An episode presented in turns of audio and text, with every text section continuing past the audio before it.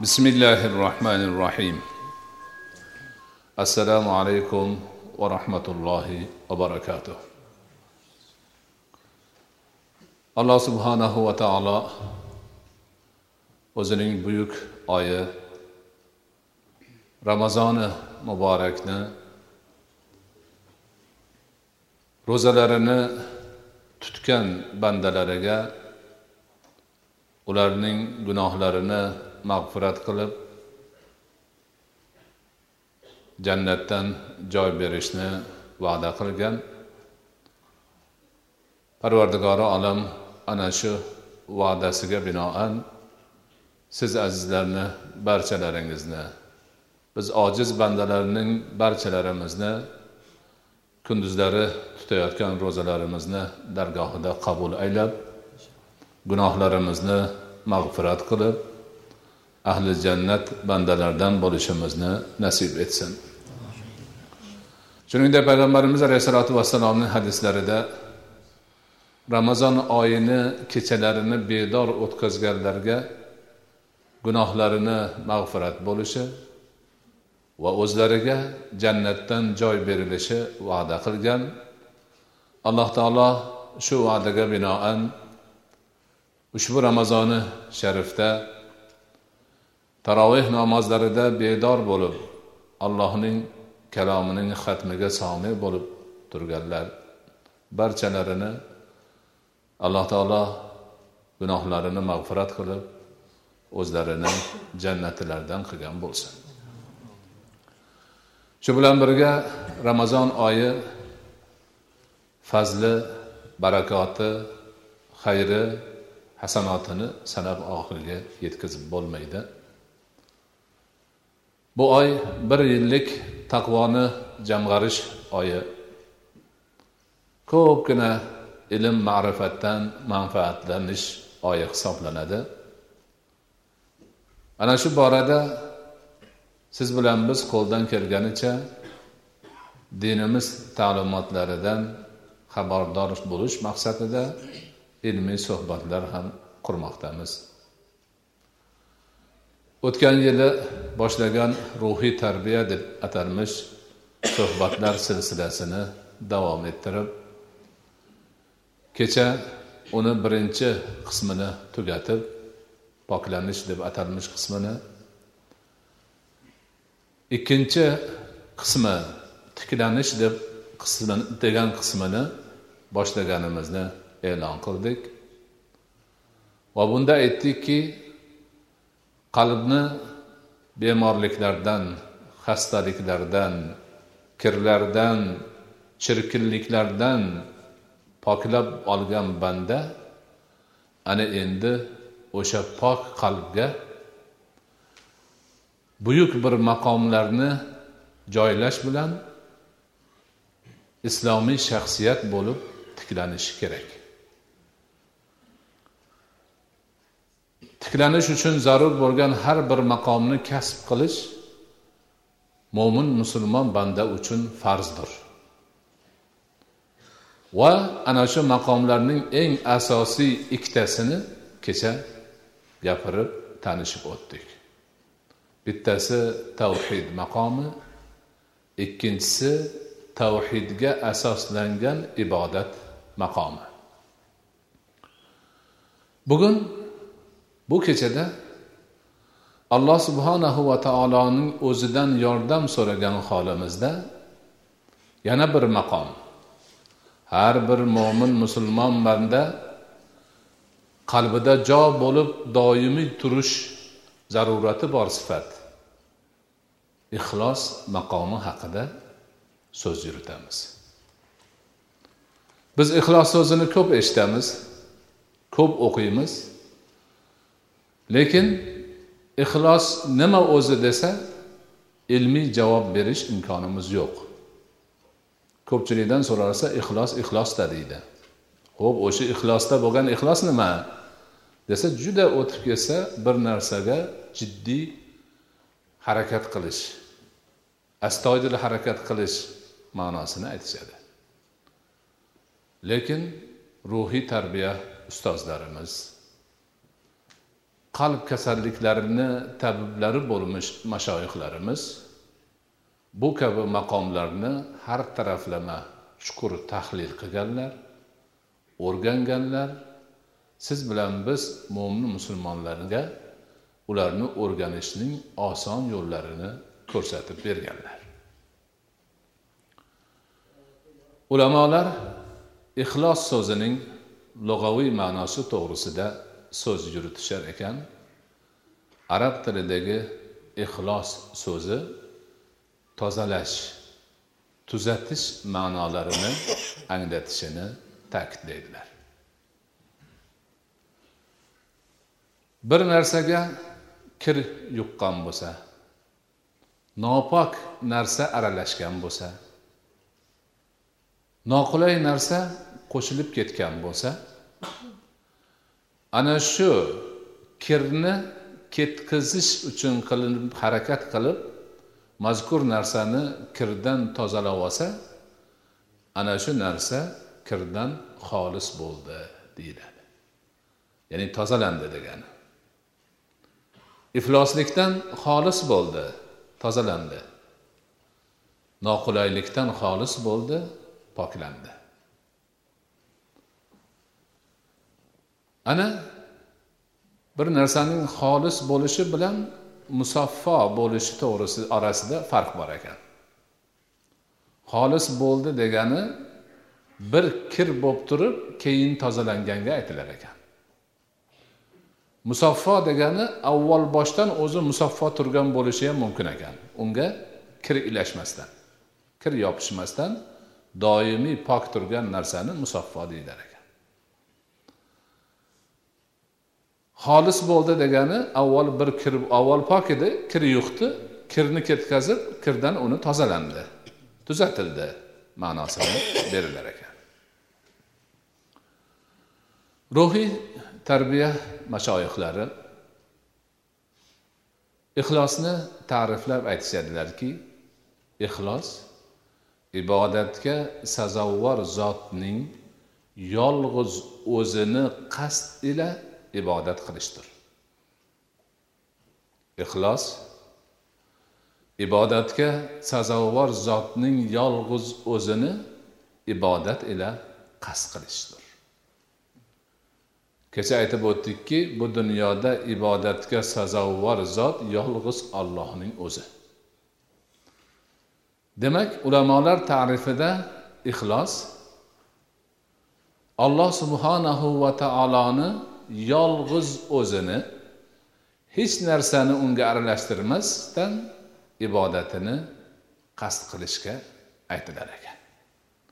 Shu bilan birga aytiladiki mana shu qasd qilish davomida til dil va qalb pok bo'lishi kerak.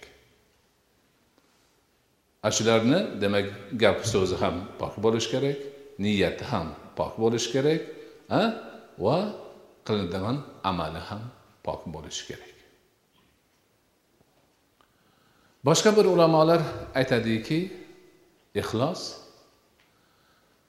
qalbga ilashgan nopokliklarni niyat bilan xolisona poklab tozalashdan iboratdir.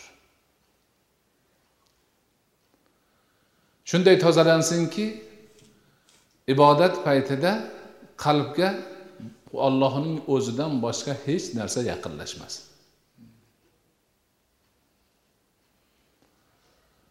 yana boshqa bir ulamolarimiz ixlosni ta'riflab aytadilarki ixlos alloh subhanahu va taologa xuddi u zotni ko'rib turgandek ibodat qilmoqlikdir deyiladi. O'tgan ulug' tasavvuf namoyandalaridan fuzayl ibn iyoz samarqandiy rahmatullohi alayhi aytadilarki odamlarni deb ibodatni tark qilish riyodir. Odamlarni deb ibodat qilish shirkdir. Ikkovini o'rtasida bo'lish ixlosdir. Ya'ni ibodatni odamlar ko'rsin mani ibodatimni ko'rib maqtashsin deb niyat qilib qilsa mushrik bo'lar ekan. Odamlar gap qilmasin palondaqa deyapti deb o'ziga farz vojib yoki fazil bo'lgan narsani qilmay ketish riyo ekan odamlarni gapidan qo'rqib. Ana endi ixlosli odam odamlar uni so'kadimi maqtaydimi ishi bo'lmaydi. Umuman e'tibori yo'q hisobi yo'q ularni yo'qday tutadida yolg'iz ollohni o'zini ko'zlab ibodatini odamlar nima desa desin qilaveradi. Niyati pok yolg'iz ollohni niyat qilyapti va ollohni o'zi ko'rsatgandek ibodat qilyapti. Ana ixlos juda ham muhim narsa. Ibodatda qilinayotgan amalda ixlos bo'lmasa qabul bo'lishi mutlaqo mumkin emas. Shuning uchun ham alloh subhanahu va taolo qur'oni karimning ko'pgina oyatlarida dinga ixlos bilan ibodat qilishga amr qilgan. Muxlisan lahuddin deydi bir oyatda. Ollohni diniga ixlos qilgan holda u zotga ibodat qil. Boshqa bir oyatda abudulloha muxlisan lahu dini man dinimni ollohga ixlos qilgan ollohning diniga ixlos qilgan holimda allohga ibodat qilaman. Boshqa bir oyatda vama umiru illa liyabudulloha muxlisina lahuddin. Qoralab mushriklarni ularga faqatgina ollohning diniga ixlos qilib ibodat qilish buyurilgan edi ammo ular boshqa yoqqa yurib ketdi deb ixlosni ollohga ibodat paytida qilmaganlarni qoraladi payg'ambarimiz alayhissalotu vassalom ham o'zlarining hadisi shariflarida ixlosga alohida e'tibor bergan. Bir hadisi qudusiyda aytiladiki olloh tarafidan al ixlosu sirrun min sirri istavdatuhu qalba man ahbabtuhu min ibadi. Ixlos mani sirrimdan bir sirdir. Uni man o'zim muhabbat qilgan bandamning qalbiga joylaganman. Demak ixlos ollohning sirri. Uni hech kimga bildirmaydi. Farishtalar ham bilmaydi boshqalar ham bilmaydi. Ana o'sha sirni o'zi muhabbat qilgan bandasini qalbiga joylab qo'yishini alloh taoloni o'zi aytyapti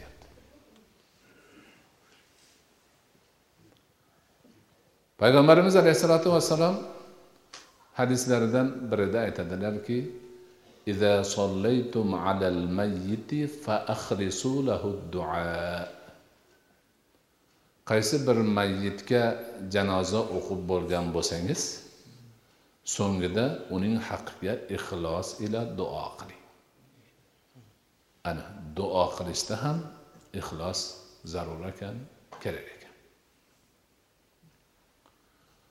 yana bir hadisda sahobalardan birlari aytadilarki كان أبي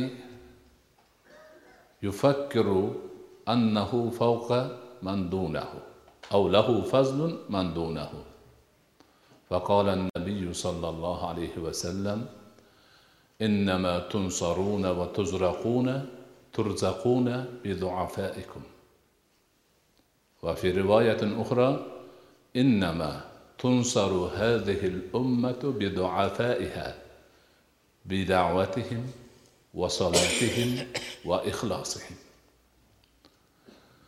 roviy aytadilarki mani otam o'zidan martabasi past odamlarda haqqi bor deb o'ylar edi man ulardan ustunman degan tushunchalari bor edi bular mandan past martabasi past boshqa taraflari ilmi hamma tarafdan jamiyatda tutgan o'rni unchalik emas. Shulardan man ustunman degan tushunchalari bor edi. Buni bilib qolib payg'ambar alayhissalotu vassalom aytdilarki sizlarga nusrat berilishi va rizqlanishlaringiz zaiflaringizni sababidan bo'ladi. Zaif hollarni sababidan sizlarga nusrat beriladi rizq beriladi. Boshqa bir rivoyatda ta'kidlab aytamanki deydilar rasuli akram alayhissalotu vassalam albatta bu ummat o'zining zaiflari ila nusrat topadi. O'sha zaiflarni duolari namozlari va ixloslari bilan ana o'sha zaif hollarni ham namoz o'qib duo qilishi bor ekanu lekin ixlos ana shu ichida bo'lishi kerak ekan. Ixlos bilan duo qilsa ixlos bilan namoz o'qisa ana shularni namozi duosi ixlosi tufayli qabul bo'lib qolsa zaiflarni e, tufaylidan ummat butun boshi bilan allohdan nusrat topar ekan rizqi keng bo'lar ekan. Abu hurayra roziyallohu anhu rasululloh sollallohu alayhi vasallamga savol berib aytdilarki ya rasululloh as'adu nnasi bi shafa'atika yawmal qiyamah فقال رسول الله صلى الله عليه وسلم لقد ظننت يا أبا هريره إنه لا يسألني هذا الحديث أحد أول منك. لما عرفت من حرصك على الحديث أسعد الناس بالشفاعة يوم القيامة man qala la ilaha illalloh xolisan min qalbihi av nafsihi. Buyuk sahobiy hazrati abu hurayra roziyallohu anhu rasuli akram alayhissalotu vassalomga savol berdilar. Ey allohning rasuli qiyomat kunida sizning shafoatingiz ila eng saodatmand bo'ladigan banda kim? Qiyomat kunida. Rasuli akram alayhissalotu vassalomni shafoatlariga erishganlarni ichida ham eng saodatlisi eng baxtiyori eng ulug'i kim? Rasuli akram alayhissalotu vassalom aytdilarki man bilib turuvdim abu hurayra. Mana shu hadisni sandan boshqa avval birov so'ramasligini bilib turuvdim. Chunki san hadisga nihoyatda qiziqqan odamsan. O'zim o'ylab turuvdim san so'rasang kerak deb sandan oldin birov so'ramasa kerak buni deb. Bilib qo'y. Qiyomat kuni mani shafoatimga erishganlarni ichida eng saodatmani ixlos bilan la ilaha illallohni qalbdan chiqarib aytgan ummatimdir dedilar. Ana ixlos qay darajadagi buyuk narsa ekan mana shu haqiqatlarni biz yaxshi bilishimiz kerak. Ixlos faqat namoz o'qiganda yoki ro'za tutganda yana boshqada emas har bir narsada kerak. Tavhidda ham ixlos kerak. Gap so'zda ham ixlos kerak. Ixlos bo'lmasdan ollohga boshqalarni sherik qilib boshqa qilib aytgan gapni olloh qabul qilmaydi. Biz o'sha poklanish bobida riyoni o'rgandik. Riyokorlik ollohga yoki boshqaga shirkni o'rgandik. Ixlos o'shalardan demak tozalanish. Gap so'zda ham qilayotgan ishda ham toat ibodatda ham va holda ya'ni qalbda ham hech narsa yo'q. Gapirmayapti ham. Ibodat ham qilmayapti. Amal ham qilmayapti. Tek turibdi ham qalbi ham ixlosga to'la bo'lib turishi kerak. Ya'ni har taraflama ixlos zarur narsadir. Ulug'larimizdan ba'zilari aytadiki kim uzluksiz qirq kun ixlos qilsa uni qalbidan va tilidan hikmat dur to'kilgandek to'kiladi deydi. Ana shundoq ixlos buyuk narsa. Boshqa birlari aytadilarki ixlos alloh subhanahu va taolo bilan bandaning orasidagi sirdir. Hech kim bilmaydi. Allohning o'zi biladi banda bilsa bildi bilmasa o'ziga. Shuning uchun ollohni siri bo'lganligi uchun uni yozib qo'yaman desa farishta yozolmaydi chunki bilmaydi. Sirda. Vasvasa qilaman desa shayton vasvasa qilolmaydi chunki u ham bilmaydi. Maylini shahvatga tortaman desa havoyi nafsni ham kuchi yetmaydi chunki u ham bilmaydi. Ana ixlos mana shunaqa buyuk ilohiy sir. Shuning uchun unga musharraf bo'lgan banda katta bir baxtga saodatga atrofidan ta'sir o'tmaydigan na shaytonni na havoyi nafsni bir kuchi yetmaydigan buyuk maqomga erishgan bo'ladi. Ixlos deydilar mashoyihlarimiz darajasi uchtadir birinchi ikkinchi uchinchi bo'lib uch darajadan iboratdir. Omlarni avomlarning darajasi xoslarning darajasi va xoslarning xoslarining darajasi. Ommaviy daraja avom xalqning darajasi qandoq desa haqning muomalasidan xalqni chiqarishdan iboratdir deydi. Haq degani alloh taolo. Haq taolo bilan bo'ladigan muomalada ibodatda iltijoda duoda amalda ro'za tutishda hamma narsada. Oradan xalqni chiqarib yuboradi odamlar chiqdi. Palonchi ko'rsin pistonchi eshitsin palonchi bilsin palonchini a yo'q. Demak bir banda alloh taolo bilan bo'ladigan muomalasida bandalarga e'tibor bermay yolg'iz ollohni o'ziga ixlos qilib ibodat qilsa bu ovom xalqni ixlosini o'rniga qo'ygan bo'lar ekan. Haqning muomalasidan xalqni chiqarish. Ana. Demak yolg'iz ollohning o'ziga ixlos qilgan iymon qilgan e'tiqod qilgan rajo qilgan butun vujudi bilan berilgan qalbida boshqa narsa yo'q holda ibodat qiladiyu?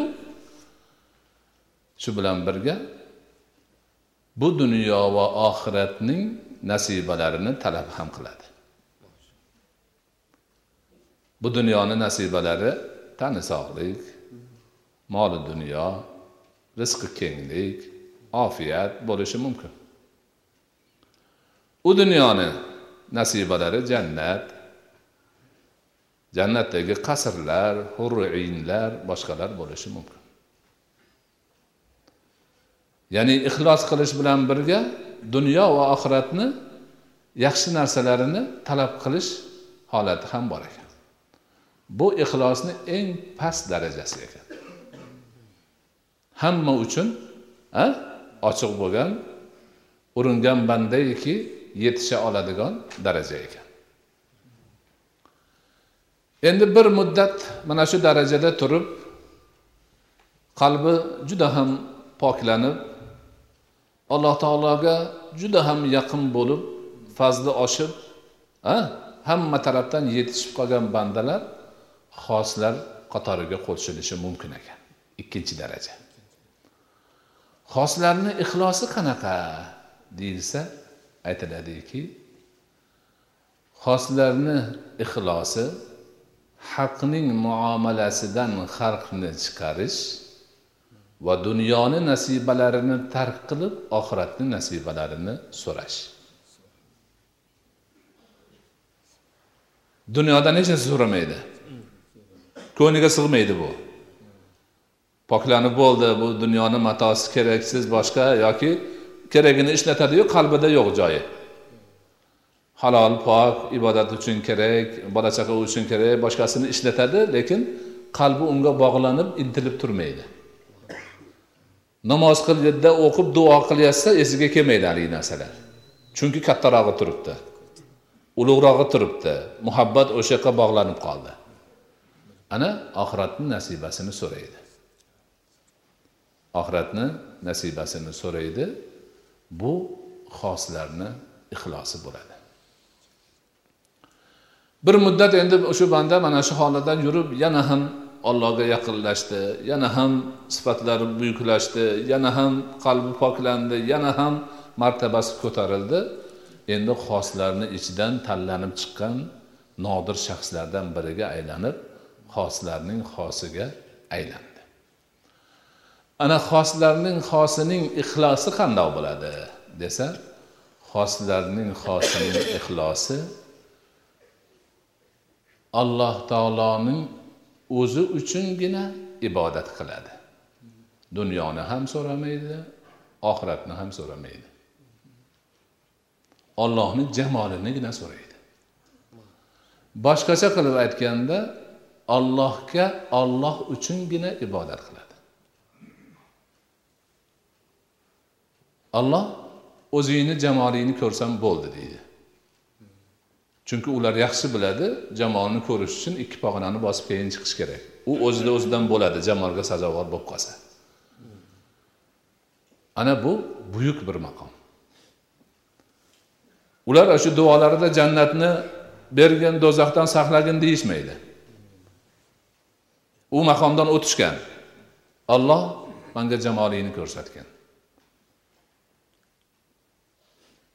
ana shuning uchun ba'zi bir katta mutasavviflarni ba'zi bir bu borada aytgan gaplarini ko'pchilik tushunolmay qiynaladi robi al adaviyani baytlarini aytadi.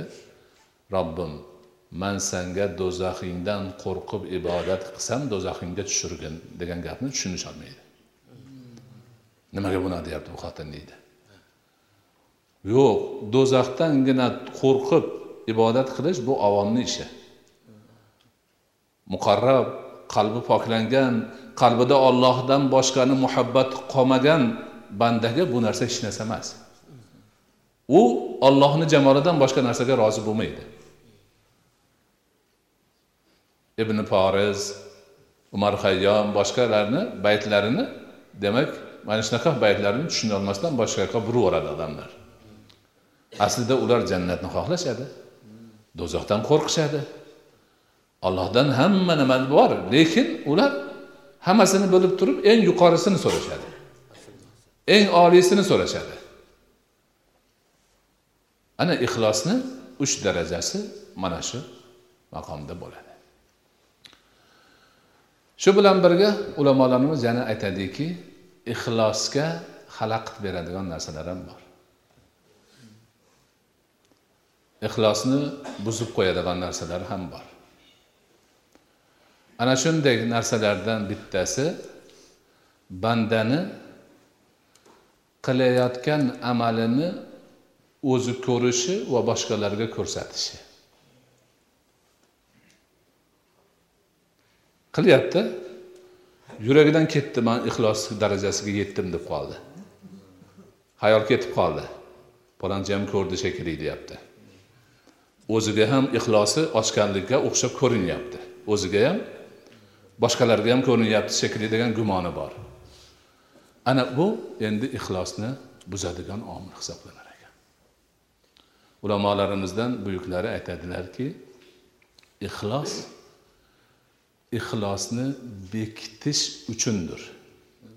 Ya'ni ixlos ixlosni berkitish vazifasidadir. Agar kim o'z ixlosida ixlosni ko'rsa uni ixlosi ixlosga muhtojdir. Tushunish qiyin a tushunsa bo'ladi.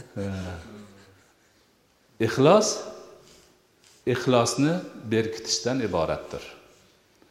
Kim o'z ixlosida ixlosni ko'rsa uning ixlosi ixlosga muhtojdir.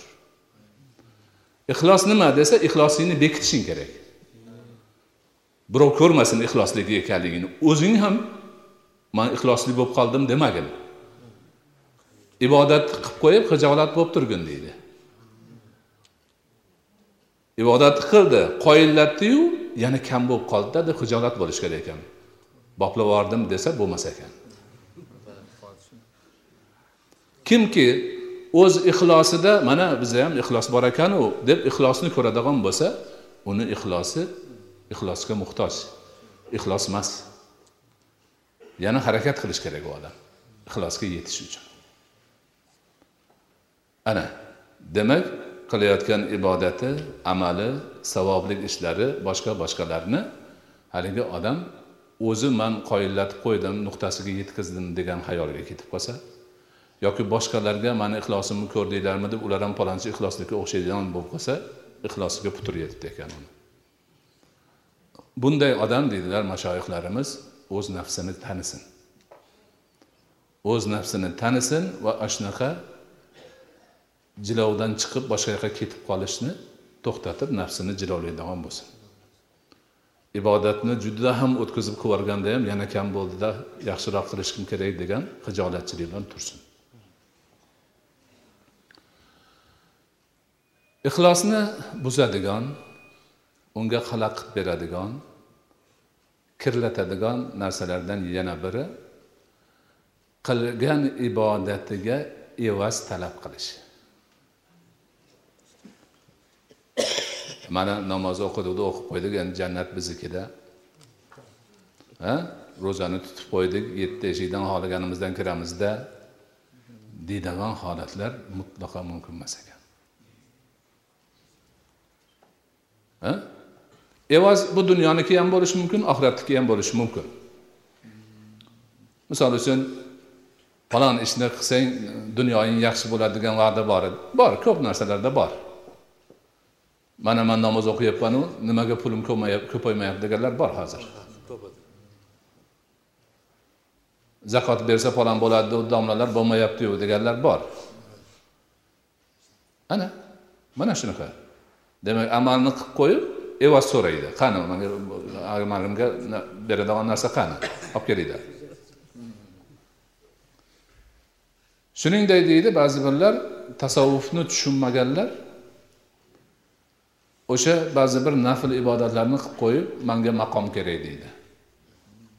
Valiy bo'lmayapmanu ilmladim bermayaptiyu berish kerak manga. Eng ko'p adashuvlar deydi mashoyihlar shunda bo'ladi. Bittasi chilla o'tiraman deydi. Yaxshi o'tir chilla o'tirsang undan keyin nima bo'ladi deydi. Nima bo'lishi kerak edi? Ibodat. Savob olloh beradi. Yo'q aytyaptiyu falon narsa bo'lishi kerak degan u keyin manga bir kashf bo'lmaydimi? Yoki juda o'sha bo'lmasa bir amallab chilla o'tirdim deb qiladida chiqib odamlarga gapirishni boshlaydi. Uch to'rt yil avval bir gap bo'lgan toshkentda. Bir odam shunaqa qilibdi chilla o'tiraman deb u yerga boribdi bo'lmabdi bu yerga boribdi bo'lmabdi mish endi odamlarni gapi. Oqtashga chiqib g'orda o'tiribdi. Yani bir yerga kelganda ekan e, bir ulug' shaxsni aytishadi. Kelib qo'lidan ushlab olib borib makka mukarramaga baytullohni tavob qildirib umra qildirib boshqa qilib yana olib kelib qo'yibdi ekan. Bir marta chilla o'tirganiga shuncha davo. Ya'ni o'zi qilyapti bu davoni. Birov ko'rgani yo'q. Manga shunaqa bo'ldi o'zi aytyapti. Qayerda bu valoyat qayerda bu yerda? Kamtarlik qayerda? Ibodat qani? Umuman yo'q narsa bu. Demak ho bu dunyoni ho u dunyoni narsasini ibodat orqali talab qilish ixlosni chilparchin qilib yo'q. Qiladi bunday odamlarga aytiladiki hoy birodar sani qilgan ibodating bandalik burching. Agar olloh bergan ne'matiga qilgan ibodatingni sanaydigan bo'lsa qolib ketadi yetmaydi. Har qancha ibodat qilsang san bandalik vazifangni bajarding xolos oshchasiga yetmaydi. U ibodatga beriladigan ajr. Savob mukofot fazillar ollohni fazlidan bo'ladi. Olloh o'zi fazil ko'rsatib beradi uni. Sani qilgan amalingni tortib taroziga ikkovini tenglashtirib bermaydi. O'qigan ibodating hech narsaga arzimaydi.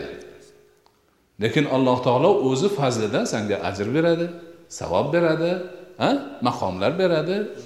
Ana oxiratni ne'matlarini boshqalarini beradi. Bu ollohni fazlidan amalingdan emas. Amaling o'zingni bandalik burchingni bajarishing xolos. Shuning uchun haligi amaliga evaz talab qilganu ixlosni davosini qilayotgan odamlarga o'zini o'g'nab olish taklif qilinadi. O'zing kimsan? O'zing kimsan? Bil. Kimsan? Bir harom suvdan bo'lgan hech narsaga arzimaydigan jonzotsan. Sani yaratgan olloh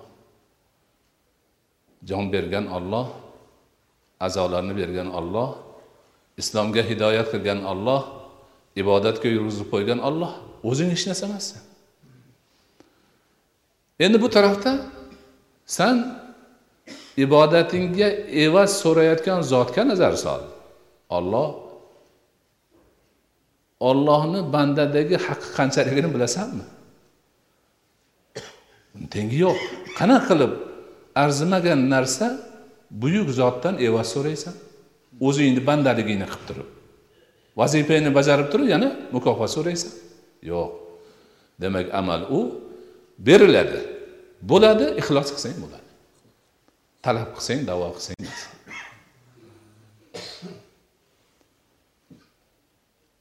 yana ixlosga futur yetkazadigan ixlosni buzib savobini ketkazadigan narsalardan biri.